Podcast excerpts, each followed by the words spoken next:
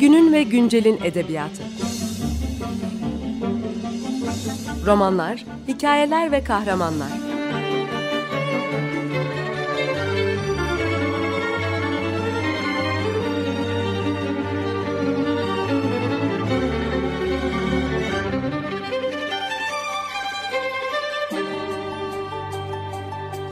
Hazırlayan ve sunan Seval Şahin.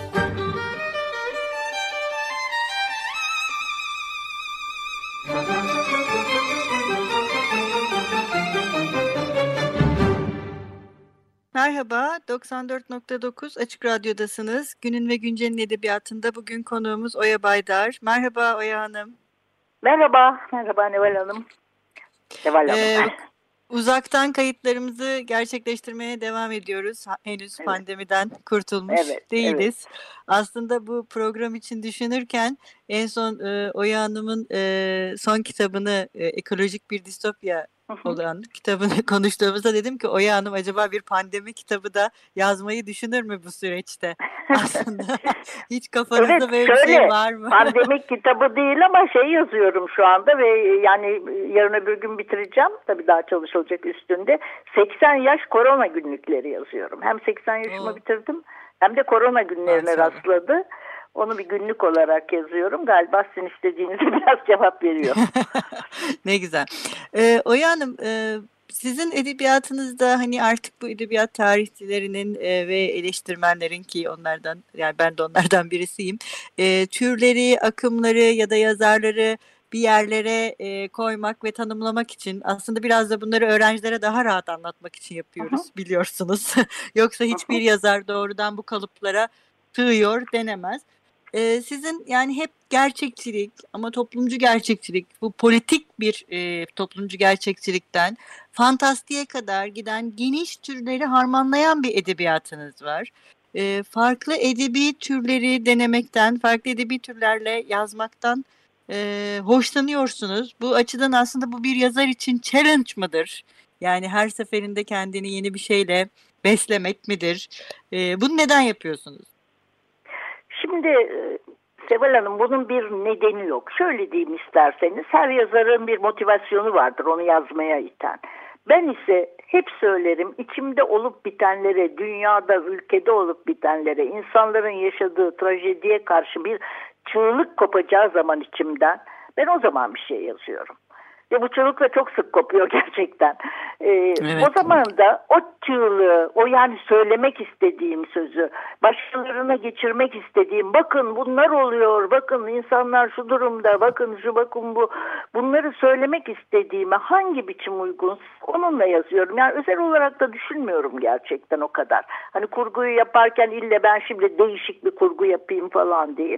E mesela son kitap diyorsunuz artık ekoloji, dünyanın hali, ekolojik felaket, çevre sorunları e, çığlık olmaya başladı. Başladık bile içinde yaşamaya bunların. E o zaman böyle bir kitap çıkıyor.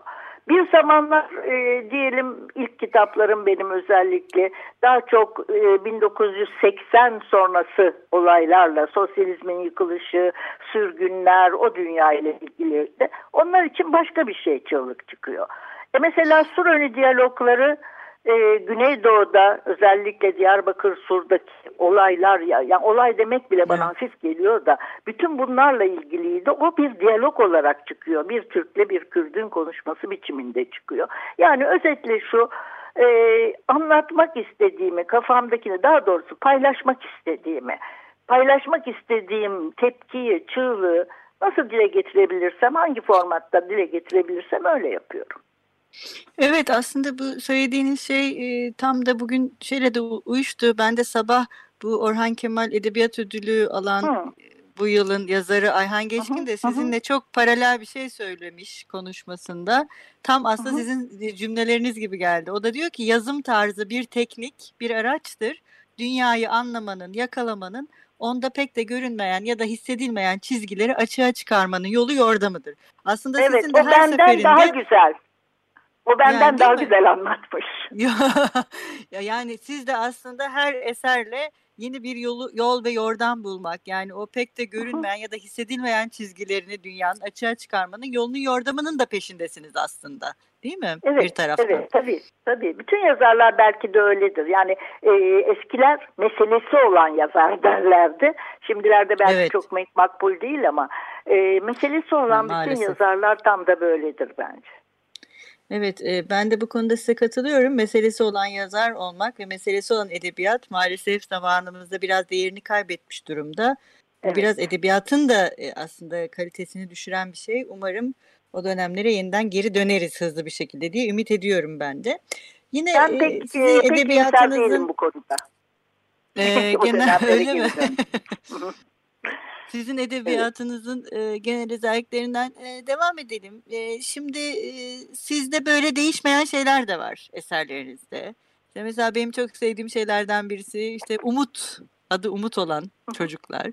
E, fakat bu değişmeyenler de aslında e, siz hep bu yeni anlatı türleri ve yeni e, yordamlar ararken aslında sizin yeni bir kapı aralamanızda bir taraftan size destek gibi de duruyorlar gibi. Öyle mi? Öyle diyebilir Yani miyiz? Bu değişmeyenler neler? Evet. Neden evet. varlar? değişmeyen yazarlar. Bakın belki de şöyle söyleyebilirim.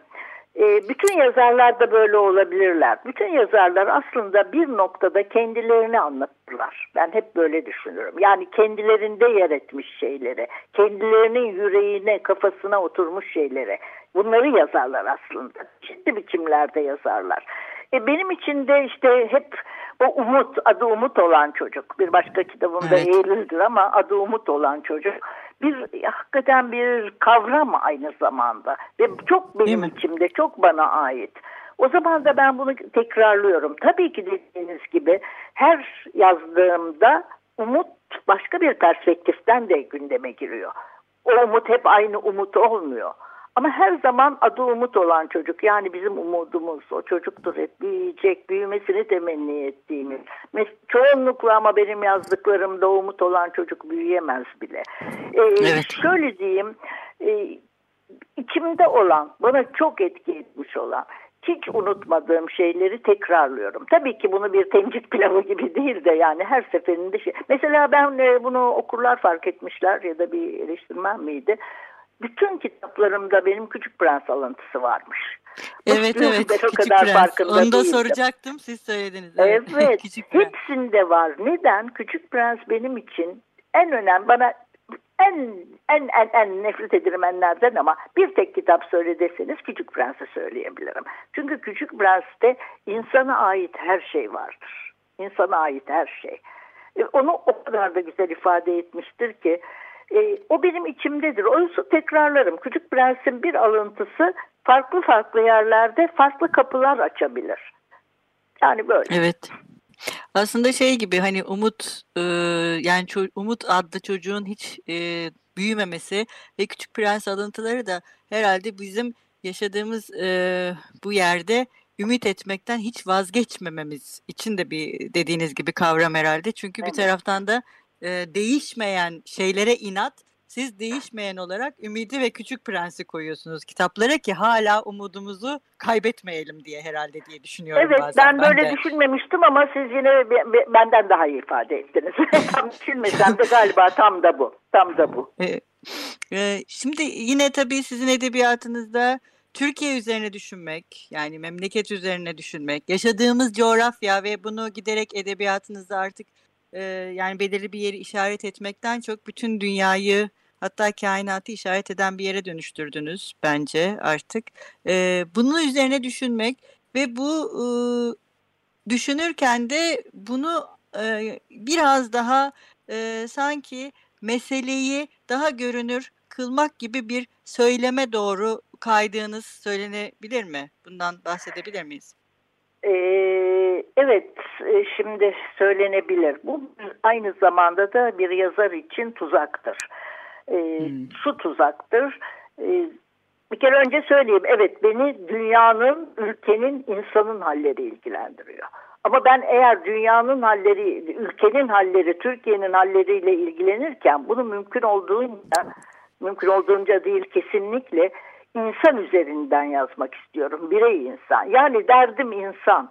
Bütün bu haller, bu olup bitenler bir ülkede, dünyada, bölgede e, insana, birey insanı nasıl etkiliyor? Onun hayatına ne katıyor, ne götürüyor onun hayatından? Ben insanla ilgiliyim. Ama e, şimdi şöyle de e, bakabiliriz e, bu işe. E, yani insanla ilgiliyim ama insanla ilgili olurken bir siyasi roman yazmıyorum tabii ki toplumsal roman bakın e, ilk başta söylediğiniz toplumsal gerçekçilik bunun e, sosyalist realizmdir aslında şey ben hiç sevmem o akımı. Yani o hı hı. akım olarak aldığınız zaman hiç sevmem, hiç kendimi yakın hissetmedim. En devrimci, en solcu zamanlarımda, en komünist zamanlarımda dahi e, ben e, hı hı. o akıma pek bağdaşamadım. Şimdi oradan başta söylediğime geçeyim bu şeyin bu bölümün. E, onlara sevmem, oradaki propagandist veya agitatif e, ton bana edebiyat dışı edebiyattan ayrılır gibi gelir ama dediğim gibi sizin söylediğiniz toplumun, Türkiye'nin, e, dünyanın, bölgenin sorunlarıyla ilgilenirken ister istemez e, zaman zaman buna düşüyorum. Bu bir tehlikedir. Kendimi hemen yakalamaya çalışıyorum ama bıçak sırtıdır bu. Bıçak sırtıdır. Yani e, toplumsal, siyasal ağırlıkta ya da en azından bu formda geçen bir roman yazarken didaktik olmak son derece kötü bir şey. Edebiyat dışına sizi kaydırır ve bu tehlike benim gibi yazarlar için her zaman vardır. Hemen söyleyeyim bazı kitaplarımda bazı romanlarımın bazı bölümlerinde bunu aşamamış olduğumu hissettim. Kendim biliyorum bunu aşamamış olduğumu. Bu iyi bir şey değil. Ama işte böyle bakarsanız e, edebiyatınız böyle bir edebiyatsa, romanınız bu türden bir romansa e, buna düşülüyor. Belki çok büyük usta olmak lazım e, bu tuzağa düşmeden yazabilmek için. Evet siz tabii şimdi çok mütevazi e, davranıyorsunuz e, kendinizden bahsettiğimiz için kendi edebiyatınızdan belki de ama siz de sonuç yani siz de şüphesiz günümüz edebiyatının e, Türkçe edebiyatının Türk edebiyatının usta kalemlerinden birisiniz. Bunu da unutmamamız e, gerekiyor. Bir ara verelim e, şimdi Oya Hanım bu ilk programda evet. ne çalalım ne istersiniz? Şimdi şu sıralarda Fevruz dinliyorum. İçime işliyor sesi özellikle Beyrut.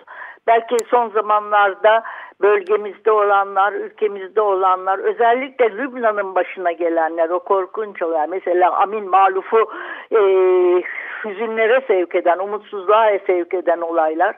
E, Beyrut'ta çok o ses içime işlediği için ben Beyrut rica edeyim. Merhaba, 94.9 Açık Radyo'dasınız. Günün ve Güncel'in edebiyatında Oya Baydar'la sohbetimize devam ediyoruz. Programımızın ilk bölümünde Oya Hanım'la e, dünya, bölge ve Türkiye üzerine konuşmak, yazmak, düşünmek ve bunun da e, kendi edebiyatıyla ve e, ve dünya edebiyatıyla bağlantısı üzerinde biraz durmuştuk. Ben yine buradan devam etmek istiyorum e, Oya Hanım. Çünkü yine e, sizin edebiyatınızda yıkımlar da çok önemli.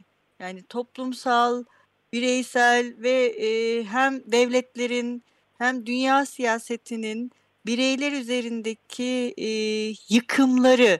Mesela bunları anlatmak, e, bunlar üzerine düşünürken yani bir kurguyu bunun üzerine kurarken e, bunları düşünmek sizi yoruyor mu? Yoruluyor musunuz yani? Şöyle, şöyle. Bu bu yıkımları yaşamış bir kuşağın çocuğuyum ben ve kendim de yaşadım o yıkımları. Çok içimde hissettim.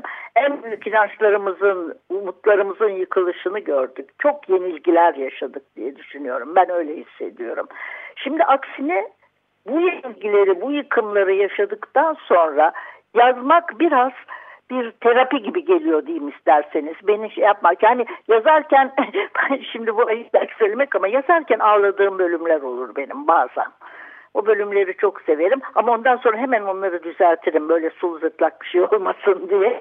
Ama onları yazmak bana iyi geliyor inanın bana iyi geliyor. Zaten yazmanın öyle bir e, sağaltıcı bir yanı vardır diye de düşünüyorum. Evet yıkımlar yaşadık o yıkımları neden yazdığımı sorarsanız bir kendim için o yıkımların acılarından bir ölçüde kurtulabilmek, dışlamak, paylaşmak için. İkincisi de tabii olabilecekse birilerinin birazcık dokunacaksa yüreğine, aklına bir daha böyle yıkımlar yaşanmasın. Bunu e, söyleyebilmek için. Yani Evet. beni beni üzmüyor. Üzüntü yıkım zamanındaydı. Yazarken o üzüntümü bir daha yaşasam bile bana iyi geliyor. Bir de sizin edebiyatınızda benim en sevdiğim şeylerden birisi yine edebiyatınız üzerine konuşurken bu- bugün de olduğu gibi kendi öz eleştirinizi e, çok e, rahatlıkla ve kendinizle barışık bir şekilde yapmanız. Mesela daha önce sizinle e, yine e, son kitabınız üzerine Köpekli Çocuklar Gecesi üzerine başka bir platformda bir söyleşi yapmıştık. Orada demiştiniz ki bu ilk zamanlarda hani ben feminizmin, çevrenin e, bu kadar politik ve önemli bir şey olduğunu bilmiyordum. Ve bunlarla çok ilgilenmiyordum ilk politikleştiğim e, zamanlarda. Bunların devrimle bir alakası olmadığını düşünüyordum ama sonradan yanıldığımı anladım diye bir şey söylemiştiniz. Eğer ben Evet. yanlış da aktarabil Hayır, yani tam kelimesi söyledim. kelimesine doğru Yani, olmayabilir ama bu öz Seval Hanım geç yapmak kalmışlık, geç kalmışlık duygusu, bir sürü şeye geç kalmış olma duygusu. Evet, Evet. yani bu öz eleştiriyi yaparken kendi edebiyatınızı da yeniden e, kurmak üzerine yani bu politiklik ve edebiyat söylemini yeniden kurmak üzerine her kitabınızda yeniden düşünüyor musunuz? Evet, evet. Her kitabımda yeniden düşünüyorum. Şimdi yazmakta olduğum daha farklı bir şey bu günlükler. Yani 80 yaş korona günlükleri ama tabii orada günlük olarak şu oldu bu olduğunun ötesinde bir şeyler yazıyorum. Onu yazarken de çok düşünüyorum. Her seferinde e, gerçekten ben e, bilmiyorum bütün yazarlar bu kadar düşün herhalde düşünüyorlardır ama e, bazı kötü örnekler görülüyormuş düşünülmemiş. Ben e, sonunda ne başarıyorum bilmiyorum ama çok düşünüyorum yazarken. Gerçekten yazdığımı çok düşünüyorum. Çok fazla e, eleştiriyorum kendi yazdıklarımı. Hadi başa dönüyorum, yeniden yazıyorum. Ve sonunda dediğim gibi kitap çıktıktan sonra da işte sizin de belirttiğiniz gibi eleştiriye devam ediyorum. Evet yani bu öz eleştiride kendinizle barışık olmanız da çok e, güzel bir şey bence. Bir de yani edebiyatınızda politik olana hep bir e, adım atmak yani pergelin bir ayağının hep politik olanda olması gibi bir şey söz konusu diyebilir miyiz? Evet. Yani politik olanı Evet, da hep evet. düşündünüz. Yani burada siyasetten bahsetmiyorum, kaba siyasetten ama Anladım. bütün hayatı şeyi ilgilendiren politik olmak, Evet, evet. politika. Evet çünkü her şey politiktir. İnsan toplum içinde yaşamaya başladığı andan itibaren bu geniş anlamda politiktir yaşam. Geniş anlamıyla siyasi partiler bizim gündelik anlamında değil. Gerçekten politiktir ve insanı e, törpüleyen de bir şeydir politik olması hayatın. Ama kazandıran da, zenginleştiren de bir şeydir. İki e, tarafını da görmemiz gerekiyor. Biz böyle bir yaşam, böyle bir toplumsal yaşam içinde çok geniş anlamda politik olarak nitelersek bu yaşamı hem kazanırız hem törpüleniriz. Yani mümkün olduğu kadar kazanmaktan kastım e, kendimizi zenginleştiririz, kendimizi derinleştiririz. Hem de ama törpüleniriz, acılar çekeriz. İşte ben belki de bütün yazdıklarımda biraz bunu anlatmaya çalışıyorum. İnsanın bu halini anlatmaya çalışıyorum.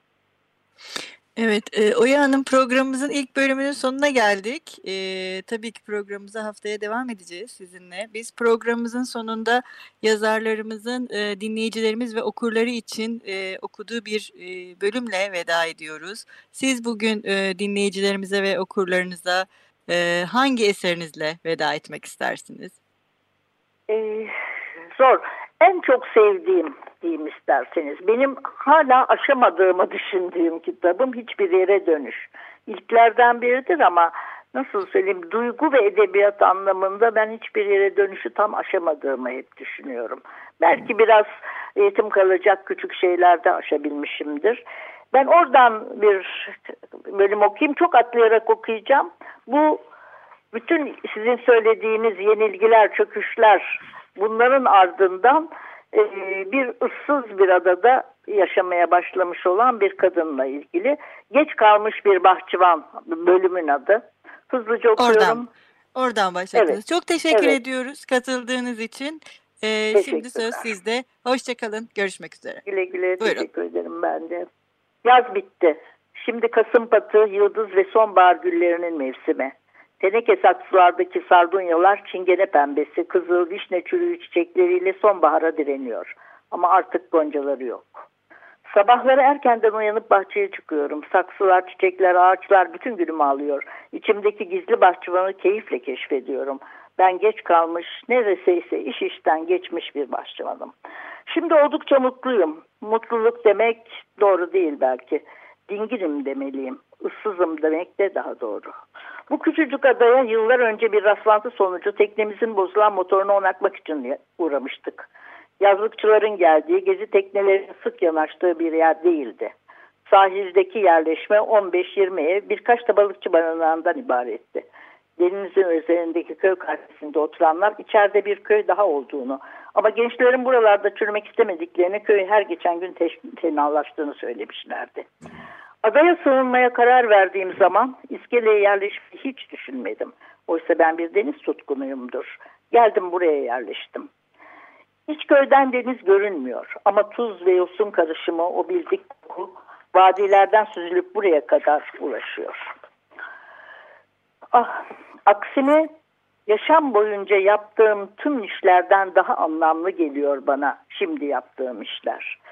Zeytinliklerin ortasındaki bağ evi köyün biraz uzağında geniş ve yeşil vadinin kayalık yamaçlara dayandığı yerde. Bana alıştılar köylüler, yadırgamıyorlar, hikayeme inanmış görünüyorlar. Ölüm acıları veya umutsuz aşk hikayeleri uğruna dünyadan elini eteğini çekenlerin maceraları herkese etkiler. Yıllar önce bir başka adada denizin tak kıyısında bir bağ evi görmüş büyülenmiştim. Mermer sundurmalı, asma çardaklı, mermer sofalı eski bir Rum eviydi.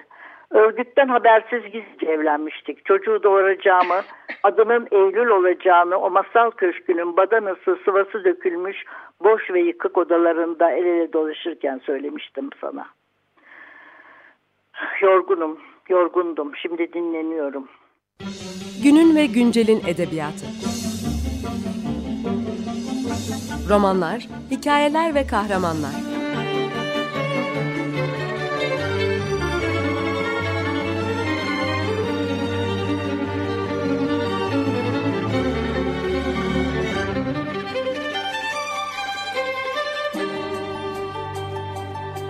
Hazırlayan ve sunan Seval Şahin.